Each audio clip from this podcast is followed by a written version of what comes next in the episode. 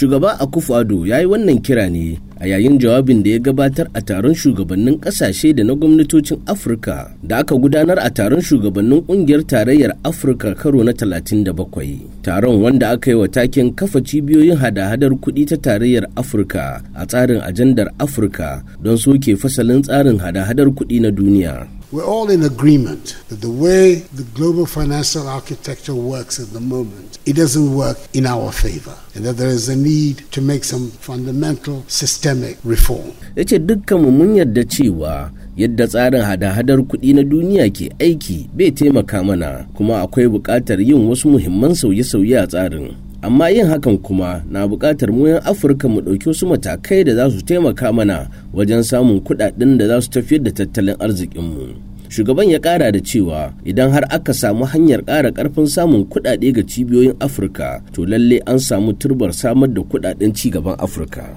Bincike da aka gudanar ya zuwa shekarar 2021 na cewa jimillar ajiyar ƙasashen afirka da ke ƙasashen waje ya kai kimanin dalar amurka triliyan 1.1 shin ko me yasa ƙasashen afirka ke ajiye waɗannan makudan kudade a ƙasar waje? Tambayar da na yi wa masanin tattalin arziki da harkokin kuɗi hamza tijjani kenan. Kuɗin da ake ajewa daga ƙasashen waje musamman wasu bankuna daga turai akan ajiye su ne kan imma dalan amurka euro ko kuma wani lokacin ma akan ajiye su kan gwal duk lokacin da yake kasanta shiga matsala na wurin faduwan darajar kudinta ko kuma za ta yi wani cinikayya da ƙasashen waje akan yi amfani da wayannan kudade da ke adana. To kira da yi da cewa wannan kuɗaɗen kaso talatin ne kada kai ƙasashen turai a bar su nan nahiyar afirka. Musamman za a iya adana su daga african development bank Afrexim bank wayannan duka zai taimaka a cikin 'yan kwanakin nan da shugabanni da gwamnatocin ƙasashen afirka sun ƙara ƙaimi wajen kafa ƙungiyar lamuni ta afirka da cibiyoyin hada-hadar kuɗi na au guda uku waɗanda suka hada da babban bankin afirka acb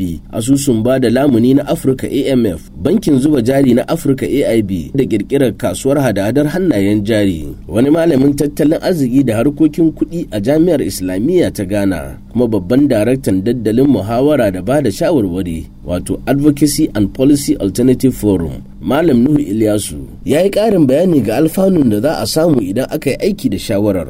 In african countries suka retain 30% of foreign reserve na suka aze da financial institutions da ke africa. What it means is that government na su ya su je wuzi su karɓi loans na at concessional rate. And ya taimaka government na in its development activities. Ce idan gwamnatocin afirka suka riƙe kashi 30 cikin 100 na kuɗaɗen da take ajiye a waje idan gwamnatocin suna buƙatar rance za su iya zuwa su amsa ba da ruwa ba wanda zai taimaka wa gwamnatocin gudanar da ayyukan ci gaba.